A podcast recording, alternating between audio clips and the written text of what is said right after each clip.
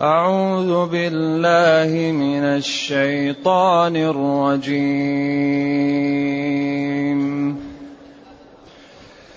ويقول الذين آمنوا لولا نزلت سورة فإذا أنزلت سورة محكمة وذكر فيها القتال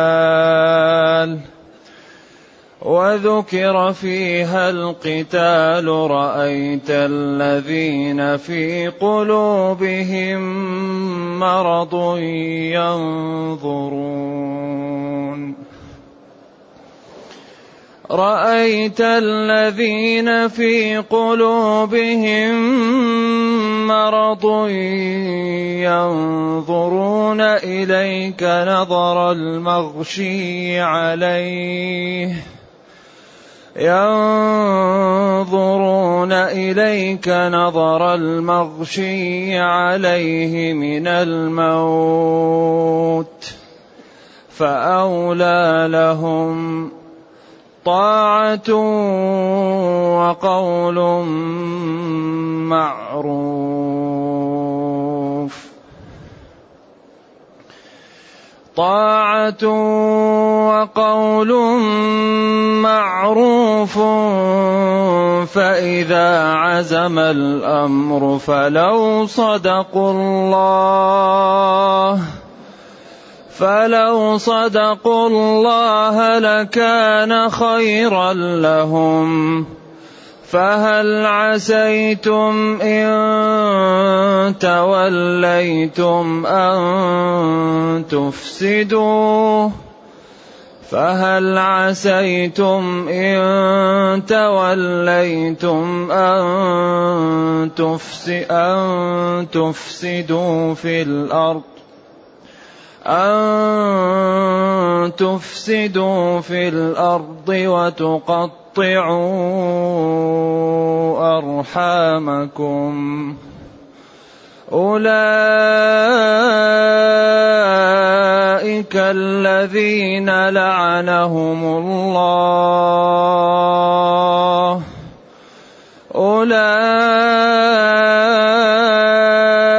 الذين لعنهم الله فأصمهم فأصمهم وأعمى أبصارهم. أفلا يتدبرون القرآن؟ أفلا يتدبرون القرآن أم على قلوب أقفالها؟ الحمد لله الذي أنزل إلينا أشمل كتاب وأرسل إلينا أفضل الرسل وجعلنا خير أمة أخرجت للناس. فله الحمد وله الشكر على هذه النعم العظيمة والآلاء الجسيمة. والصلاة والسلام على خير خلق الله وعلى آله وأصحابه ومن اهتدى بهداه. أما بعد فإن الله تعالى يبين عن ماذا يقوله المسلمون وما لا يحبونه كما يبين عن ما لا يريده غير المسلمين وما لا يحبونه. ويظهر مكامن النفوس. ويقول الذين آمنوا يقول يعني يقولها مرة بعد مرة ويطلبوها لأن التعبير بالمضارع يدل على التجدد والحدوث. الذين آمنوا الذين جعل صلة الموصول آمنوا الذين اتصفوا بالإيمان. لولا نزلت سورة. هذا هنا لولا بمعنى التحضيض وبمعنى الطلب. هل لا أنزلت سورة؟ يقول الذين آمنوا لولا أنزلت سورة. يعني هل لا أنزلت سورة؟ أو يا ليت سورة أنزلت. والسياق يعني سورة فيها الجهاد فيها القتال فيها البذل لله ولدين الله. أيوة. يقول الذين ويقول الذين آمنوا لولا نزلت سورة. أنزلها ينزلها أنزلت. بعدين فإذا أنزلت هذه السورة فرح بها المؤمنون واستبشروا وتهيأوا وبذلوا ما يستطيعون. ورأيت الذين في قلوبهم مرض لأن المرض الذي يكون في القلب أحيانا يكون من الشهوة وأحيانا يكون من الشبهة. فمرض الشهوة هو الذي قال الله فيه في حق المسلمات فلا تخضعن بالقول فيطمع الذي في قلبه مرض الشهوة مرض محبة الشهوات يعني الميل إلى الفاحشة. وهذا اللي هنا رأيت الذين في قلوبهم مرض من الشك والنفاق والضلال والريب وعدم التصديق بالإيمان. وهذا أخطر الأمراض. رأيت الذين في قلوبهم مرض أي شك ونفاق ينظرون إليك نظرا مشابها بنظر المغشي عليه الذي هو يحاول أن يغيب عقله ويغشى عليه بحيث يفقد شعوره. قبل ذلك ينظر إلى من حوله نظرا محدقا له ليستغيث به. كما قال هناك تدور أعينهم كالذي يغشى عليه من الموت. المنافقون إذا جاء الجد لأنهم ما عندهم استعداد ما عندهم إيمان. يروا أن هذا ما هو صحيح يروا أن هذا ضياع وقت ضياع مال ضياع. فلذلك إذا جاء الجد ترى الواحد يريد أن لا يكون مع المسلمين ويتمنوا لو أنهم بادون في الأعراب يسألون عن أنبائكم. وإذا انتهت المعارك سلقوكم بألسنة حداد فعلنا وفعلنا. فإذا جاء الخوف ترى أحدهم تدور أعينهم كالذي يغشى عليه من الموت. هنا رأيت الذين في قلوبهم مرض شك ونفاق ينظرون إليك نظر المغشي نظر الذي يحاول أن يغيب عقله وأن يفقد يخرج من الدنيا. ففي بداية غياب الإنسان ليذهب من الدنيا تراه ينظر ويحدق أعينه ويحاول أن ينظر في من حوله لعل يكون لهم شيء له.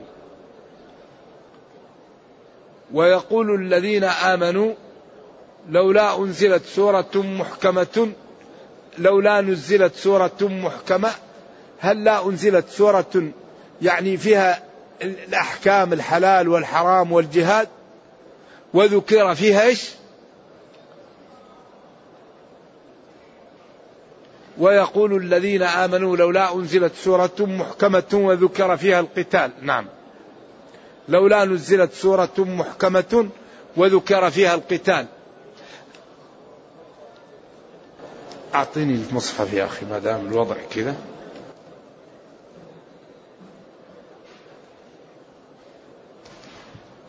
ويقول الذين آمنوا لولا نزلت سورة يقول المؤمنون لمن حولهم متمنين إنزال الجهاد. ولذلك قال لهم اصبروا اصبروا اصبروا. ولذلك الذين يعني حصل لهم شيء لوموا في سورة النساء. أنهم كانوا يريدون الجهاد فإذا جاء الجهاد خاف بعضهم وهذا من طبيعة البشر.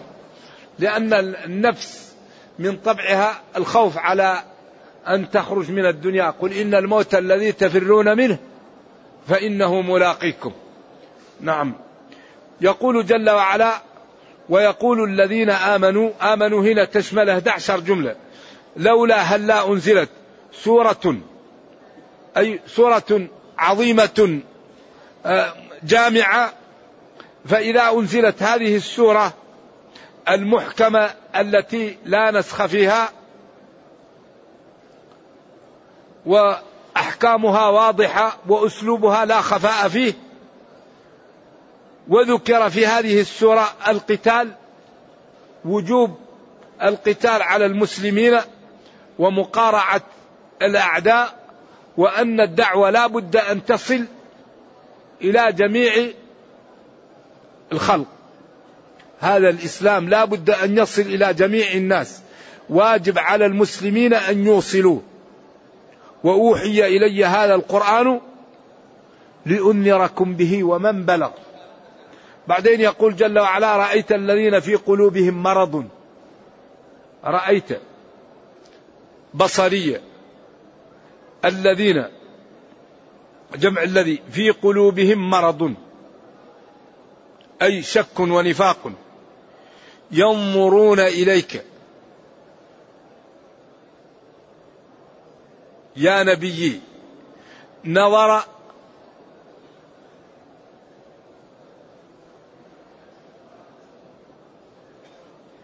نظرا مشابها لنظر الذي يغشى عليه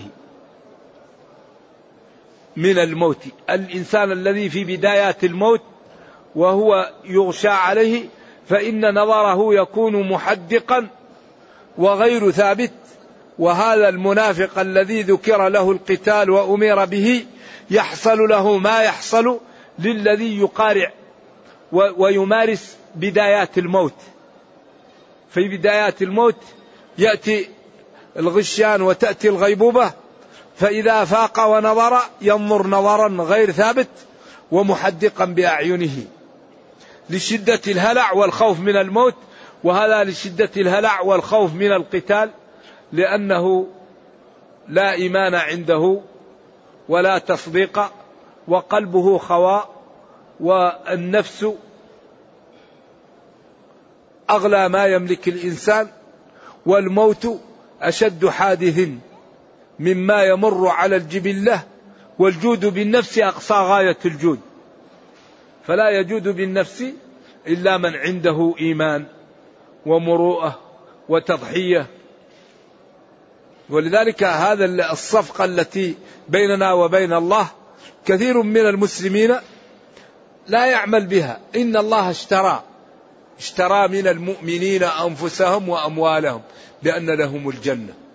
بعدين قال فاستبشروا ببيعكم.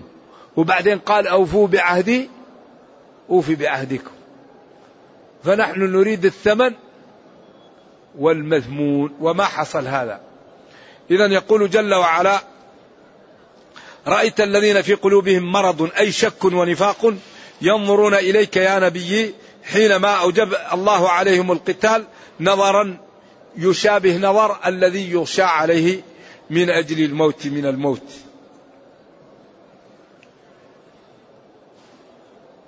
فأولى لهم. أولى لهم هنا للعلماء فيها قولان. أي هلاك دمار تتبير ضياع خسران لهم. هذا قول أكثر المفسرين. القول الثاني أن أولى لهم الأجدر والأحرى بهم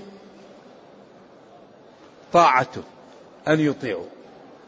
وهذا قائله قليل والأول هو الذي عليه الجمهور. تكون أولى لهم يعني الويل لهم والخسران بعدين استأنف طاعة. أمرهم طاعة أو خير لهم طاعة. أو يكون الأولى والأجدر بهم الطاعة وعدم آه، يعني الإيمان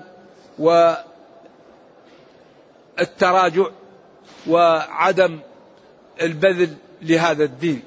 نعم. فأولى لهم طاعة.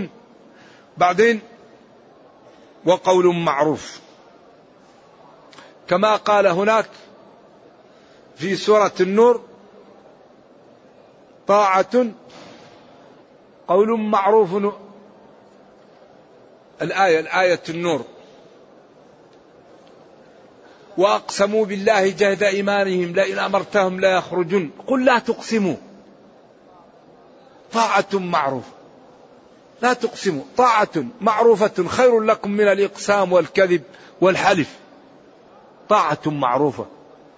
لا تخفى وأوضح من الإقسام والكذب والأيمان. قل لا تقسموا. طاعة معروفة. إن الله خبير بما تعملون. ولذلك أحسن ما يفسر به القرآن هو القرآن.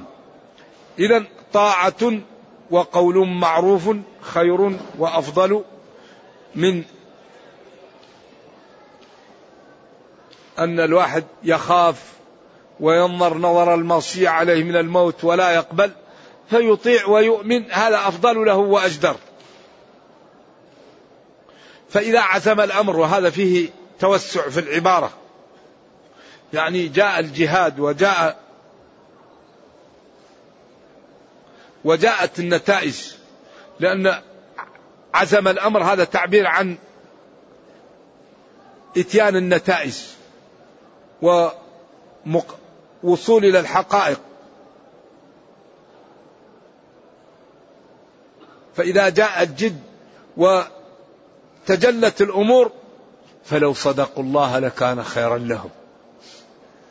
ولذلك الذي يكذب وينافق ويحاول أن يخفي الواقع فلو صدق كان ذلك أحرى به.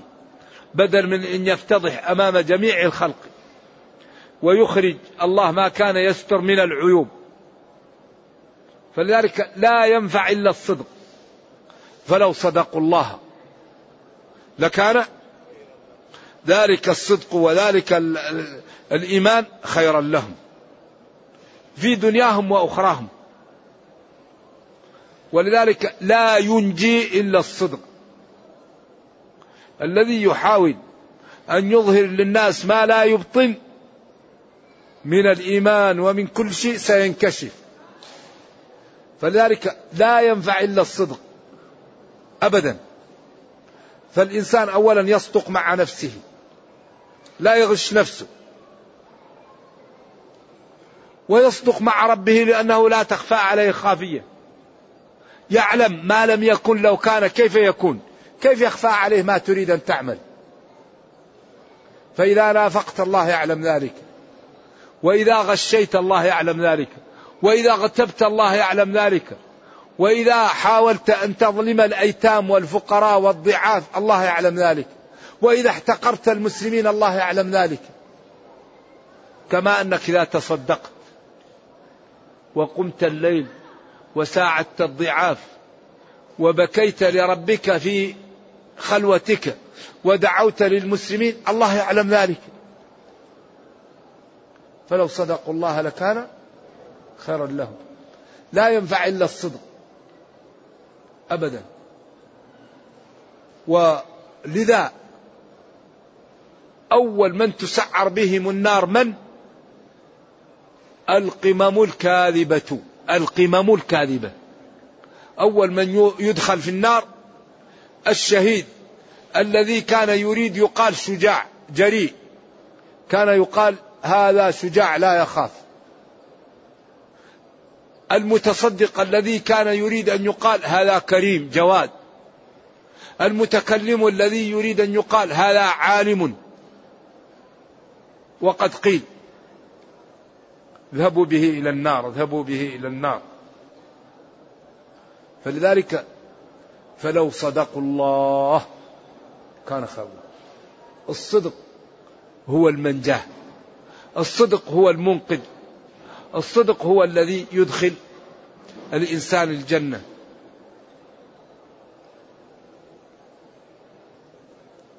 وكما ذكرنا هناك معوقات عن الصدق. هناك معوقات عن الصدق. وهي المال الدنيا. المال. حبب إلى الناس المال. فالإنسان يحب المال فلا يقدر يصدق. فيرابي. وينجش ويسرق ويغش.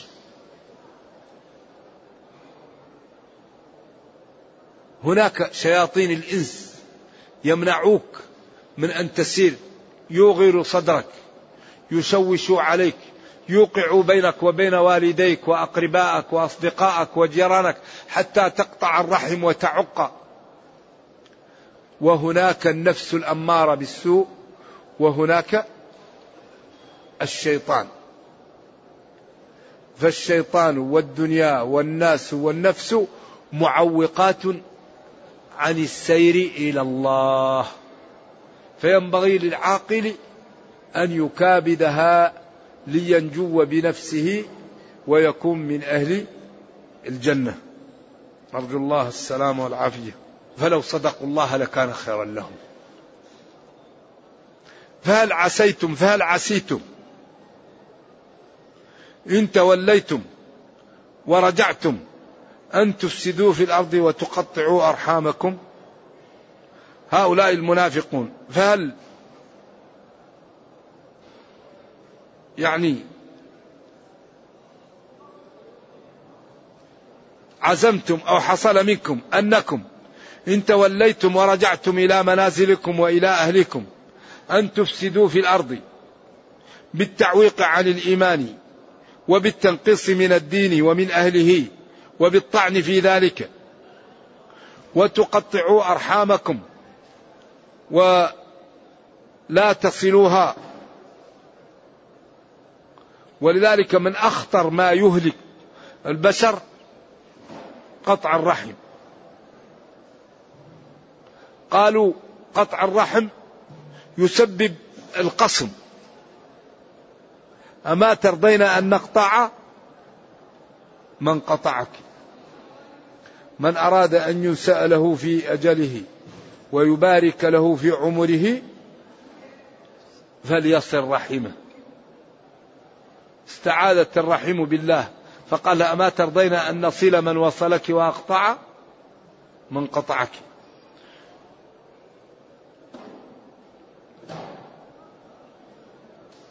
إذا رجعتم أن, تقط أن تفسدوا في الأرض بالتكذيب وروجان ما لا يصح وتقطعوا أرحامكم. فلا تصلوها عياذا بالله. ولذلك من أكبر ما يبارك للإنسان في عمره صلة الرحم. أولئك الذين لعنهم الله فأصمهم وأعمى أبصارهم. هؤلاء الذين هذه صفتهم لعنهم الله طردهم من رحمته. فلأجل طردهم فأصمهم وأعمى أبصارهم. لما لم يبالوا طردهم الله من رحمته فلما طردهم من رحمته أصبحت موارد العلم لا يستفيدون منها. فأصمهم. ولذلك هيفاء التفريع. لعنهم الله فلأجل لعنته لهم ما لا أصمهم. الأذن لا تسمع. البصر لا يرى. العقل لا يرى. وأعمى أبصارهم. موارد العلم لا تعي. إذا هذا يبقى على اللعنة حتى يدخل جهنم. ولذلك امتن الله علينا في سورة النعم بموارد العلم لماذا؟ لماذا؟ لنشكره أعطانا موارد العلم لشكره فقال جل وعلا والله أخرجكم من بطون أمهاتكم لا تعلمون شيئا وجعل لكم السمع والأبصار والأفئدة لماذا؟ لعلكم إيه؟ تشكرون. تقرأ في المصحف. تسمع القرآن. تفكر كيف ننقذ والدي من النار؟ كيف ننقذ جيراني كيف نترك لي بصمات لديني ولأمتي قبل أن نموت؟ كيف نكون قدوة في الخير؟ أعطانا موارد العلم لشكر الله. ما هو لنستعمل في معصية الله؟ وفي سخطه فنكون قدوة في الضلال. ولذلك من سن سنة حسنة فله أجرها وأجر من عمل بها. إلى يوم القيامة لا ينقص ذلك من حسناتهم شيئا. ومن سن سنة سيئة فله وزرها ووزر من عمل بها. لا ينقص ذلك من أوزارهم شيئا. ذلك ينبغي للمسلم أن يكون قدوة في الخير. يسن وقف طيب يسن مشروع طيب يسن مساعدة الضعاف يسن منح أبناء الفقراء يسن إصلاح ذات البين. يكون دائما يعمل أمور طيبة يكون الناس يتبعوه فيها فيكون له الأجر فيها. أولئك الذين هذه صفتهم لعنهم الله طردهم من رحمته فلأجل طردهم أصمهم لا يسمعون وأعمى أبصارهم لا يبصرون. ثم قال جل وعلا أفلا يتدبرون القرآن أم على قلوب أقفالها؟ ألا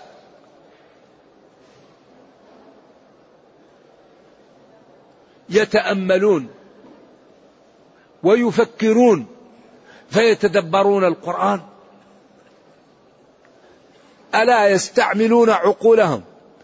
ألا يرجعون قليلا ويتأملون فيتدبرون القرآن؟ أم هم على قلوبهم أقفال؟ هذه القلوب لا تعي هذا القرآن ولا تستمع له ولا تستفيد منه. فإذا تدبرنا القرآن وجدنا كل شيء فيه.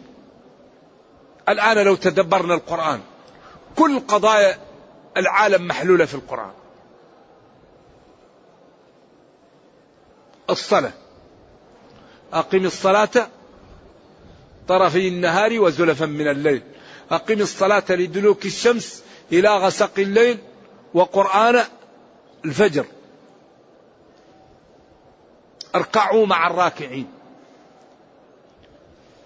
وإذا كنت فيهم فأقمت لهم الصلاة فلتقم طائفة منهم معك وليأخذوا أسلحتهم.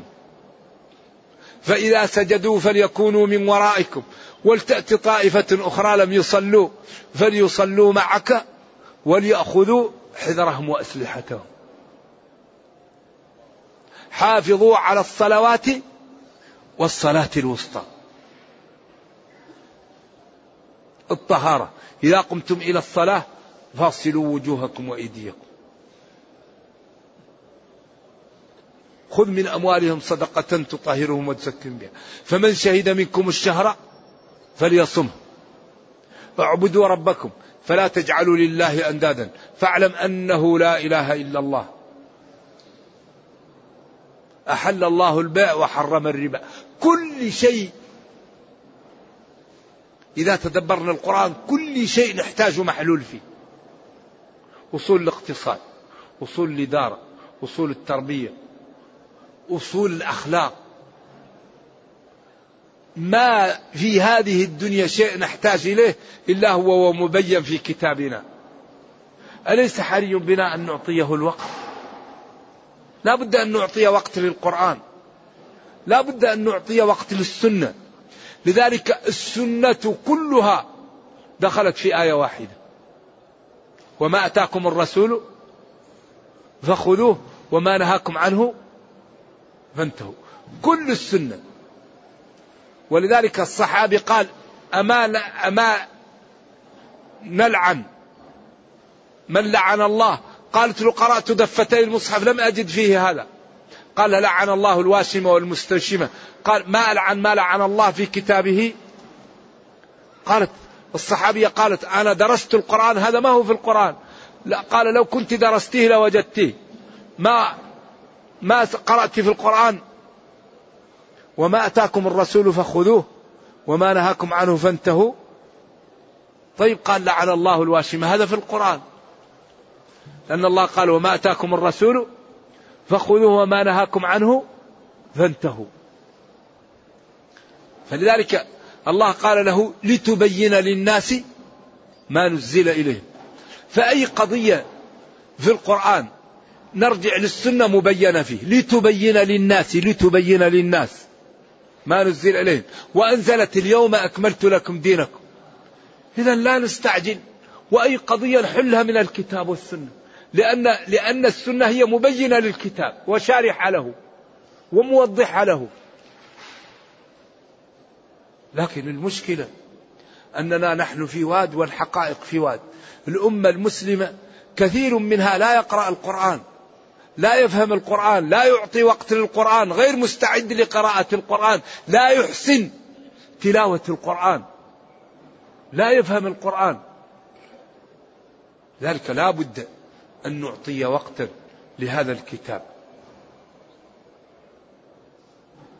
وما أردناه يعطيه الله لنا. إذا أعطينا وقتا للكتاب وعملنا بالكتاب الذي نريده يعطيه الله لنا. لأن الله تعالى يقول أوفوا بعهدي أوفي بعهدكم. ويقول إن الله لا يخلف الميعاد. إن الله لا يخلف الميعاد. وقال أوفوا. إذا إذا فهمنا القرآن وعملنا به ما أردناه الله يعطيه لنا. الله يعزنا ينصرنا يسعدنا يغنينا يدمر أعداءنا الله إذا استقمنا على الدين.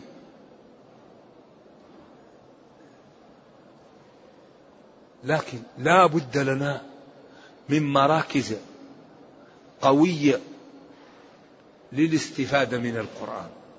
في هذا العصر لا بد أن تكون للمسلمين مراكز. أولا لترجمة مفردات تفسير القرآن. ثانيا لبيان الأمور التي تنقص عن الأمة كيف تحلها من القرآن. الإدارة الاقتصاد الاجتماع. ذلك كل شيء محلول في هذا الكتاب. ولذا لا بد لنا أن نصحبه. نصحب الكتاب. وقال الرسول يا ربي إن قومي اتخذوا هذا القرآن مهجورا. فلا نهجر القرآن. نصحبه ونفهمه ونتخلق به ونتأدب بآدابه ونربي بيوتنا على ما يدعو إليه ونحذر مما ينهى عنه وما أردناه يعطى لنا. لأن الله كريم وقادر ولا يضيع أجر من أحسن عملا. وقال ولينصرن الله من ينصره. وقال إن تنصروا الله ينصركم ويثبت أقدامكم وقال ومن يتق الله جعل له مخرجا. قال ابن إسحاق منفذا من كل ضيق. واتقون يا أولي الألباب لعلكم تفلحون. نرجو الله جل وعلا أن يرينا الحق حقا ويرزقنا اتباعه وأن يرينا الباطل باطلا. ويرزقنا اجتنابه وأن لا يجعل الأمر ملتبسا علينا فنضل. اللهم ربنا أتنا في الدنيا حسنة وفي الآخرة حسنة وقنا عذاب النار. اللهم اختم بالسعادة آجالنا واقرم بالعافية غدونا وآصالنا واجعل إلى جنتك مصيرنا ومآلنا. سبحان ربك رب العزة عما يصفون. سلام على المرسلين والحمد لله رب العالمين. صلى الله وسلم وبارك على نبينا محمد وعلى آله وصحبه. والسلام عليكم ورحمة الله وبركاته.